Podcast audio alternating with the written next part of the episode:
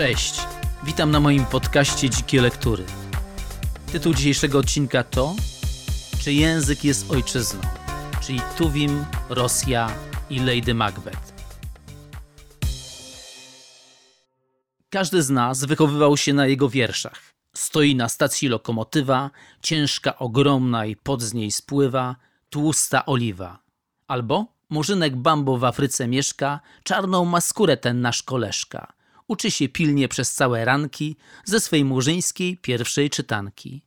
Lub mój piesek Jońcio, oto go macie, to mój największy w świecie przyjaciel. Codziennie w kącie kanapy siadam i z moim Jońciem gadam i gadam.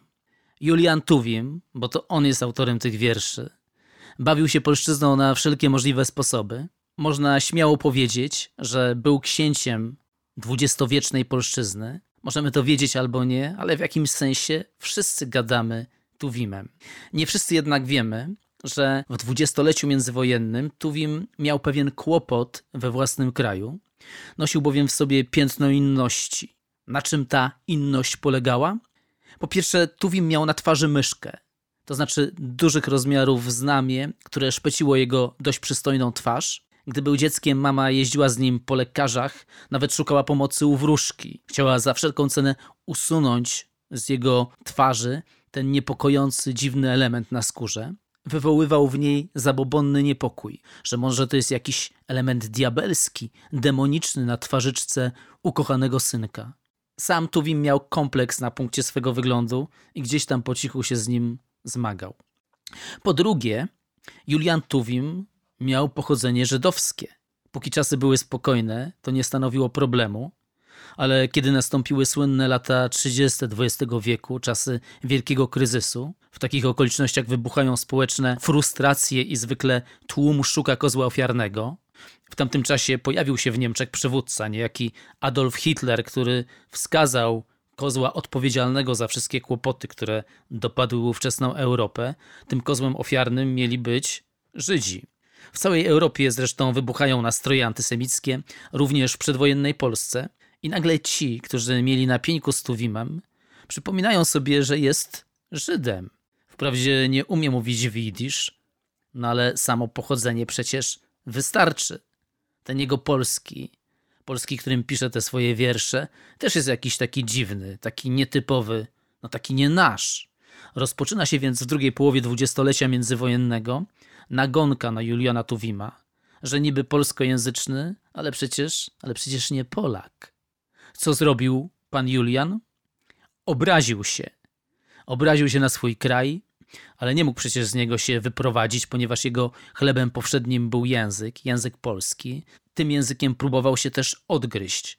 To wtedy ułożył ten słynny wierszyk adresowany do jednego ultraprawicowego agresora, wierszyk zatytułowany Na pewnego endeka co szczeka, a wierszyk brzmiał tak. Próżność repliki się spodziewał, nie dam ci psztyczka ani klapsa, nie powiem nawet pies cię jebał, bo to mezalias byłby dla psa. Czy można bardziej werbalnie przegrzmocić oponentowi, mówiąc, że nawet pies nie miałby ochoty go wychędożyć? No dobrze, ale do czego zmierzam? Do tego, że w pewnym momencie Tuwim pisze wiersz, w którym pojawia się to słynne sformułowanie ojczyzna, polszczyzna. Od tego momentu w głowie poety pojawia się niezwykła myśl. To nie ten kraj, to nie to państwo, nie ci ludzie są moją ojczyzną.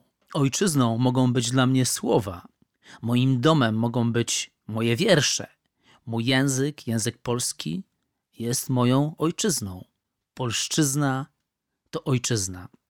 Polszczyzna Juliana Tuwima przetrzymała i czasy antysemityzmu, i czasy komuny. Całkiem dobrze sobie radzi i dziś. Dla mnie Julian Tuwim był właśnie pierwszym artystą, pierwszym myślicielem, który sformułował taką ideę, że język może być ojczyzną. Okej, okay. słuchajcie, zjawisko szukania ojczyzny w języku ma miejsce i dzisiaj. Ostatnio ukazała się książka rosyjskiego pisarza na emigracji, Siergieja Lebiediewa pod tytułem Granica zapomnienia. Siergiej Lebediew po ataku Rosji na Ukrainę wyraża ogromne rozczarowanie własnym krajem, bo przecież ci, którzy robili inscenizację w Buczy, związując ręce cywilom, zasłaniając im oczy i strzelając im w tył głowy, to przecież byli Rosjanie. Na teatr w Mariupolu, nie dość, że wspaniałe dzieło ludzkiej kultury, to jeszcze miejsce, w którym skrywało się kilkaset osób, bomby zrzucili Rosjanie.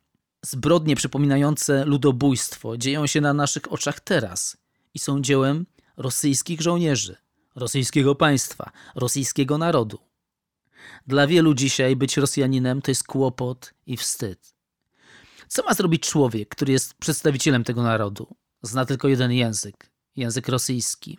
Jest absolutnie przeciwny temu, co wyprawia Rosja Putina. Chciałby wywrzeszczeć, nie chce mieć z tym nic wspólnego. Co on może zrobić? Czy język może być dla niego kryjówką, bezpiecznym schronieniem, tak jak niegdyś dla Juliana Tuwima język był schronieniem?